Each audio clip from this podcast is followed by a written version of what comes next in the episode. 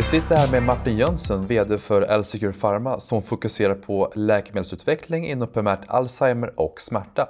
Välkommen hit! Stort tack Martin! Kan du börja med att berätta vad har hänt sedan vi träffades sist i eh, september? Ja, det har ju hänt mycket. Vi har ju rapporterat eh, ny data på flera av våra olika projekt. Eh, dels på Neurostore, ny positiv data. Likadant när det gäller Alstatin, vår förebyggande behandling mot Alzheimer. Och sedan har vi också kommit med ny data när det gäller Tracana, ett av våra smärtprojekt.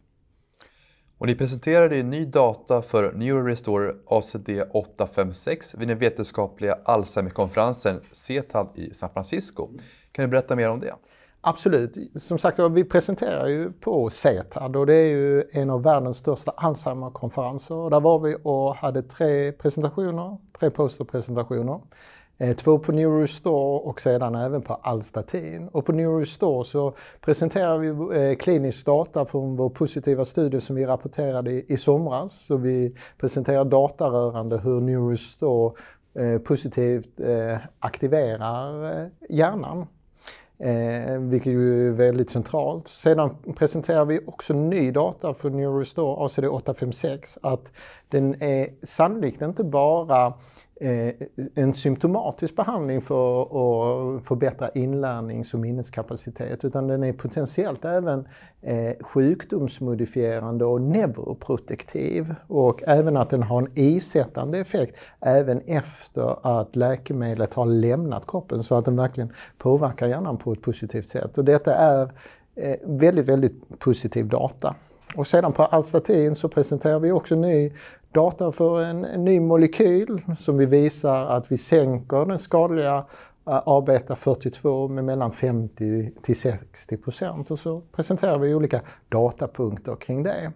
Och CETAD-mötet eh, övergripande det var ju väldigt, väldigt positivt. Det var ju eh, väldigt positiv ny data som kom ut för antikroppar, både för eh, lecanemab och donanemab och även positivt när det gällde ny biomarkördata. Så Alzheimer-marknaden är ju, det händer väldigt mycket positivt nu så det är härligt att vara i, den marknaden. Mm. Och vilka marknadstrender ser ni som påverkar Alsecure Pharma? Ja, det, den största marknadstrenden nu det är ju den, det positiva svinget vi har kring det här med Alzheimer-marknaden. Eh, det gör ju att de stora läkemedelsföretagen nu satsar ännu mer på Alzheimer-marknaden och då scoutar de ju efter läkemedelsprojekt som vi har, så detta påverkar ju oss. Så vi har ju mycket partneringmöten och eh, diskussioner. Och sedan också när det gäller smärtmarknaden som vi också är aktiva inom så vet vi ju opioidkrisen att det behövs eh, bättre eh, preparat. Så ACD 440 som vi har i fas 2, det, det är också ett väldigt välpositionerat eh, projekt. Så det händer mycket positivt för oss. Och ni planerar att genomföra en företrädesemission. Varför gör ni det och vad kommer ni använda likviden till?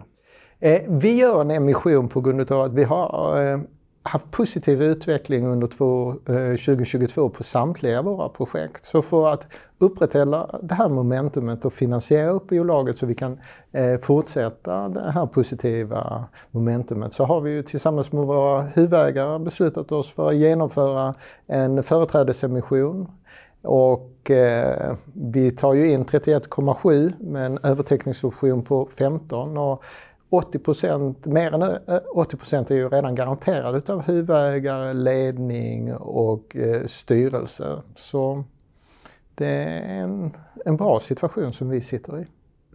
Och eh, avslutningsvis, vad skulle du säga att man som investerare ska hålla koll på under 2023 hos er?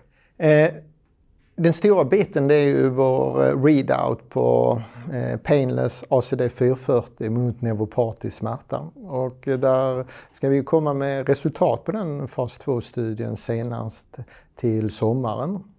Eh, Sedan så förbereder vi också ett pre-IND-möte med Neurostore ACD 856 som nu är fas 2-redo. Så då vill vi ju träffa FDA för att diskutera utvecklingsplanen där.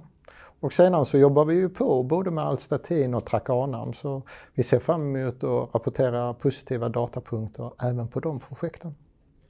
Stort tack Martin för att du tog tid att komma hit till oss idag och eh, all lycka framöver. Stort tack!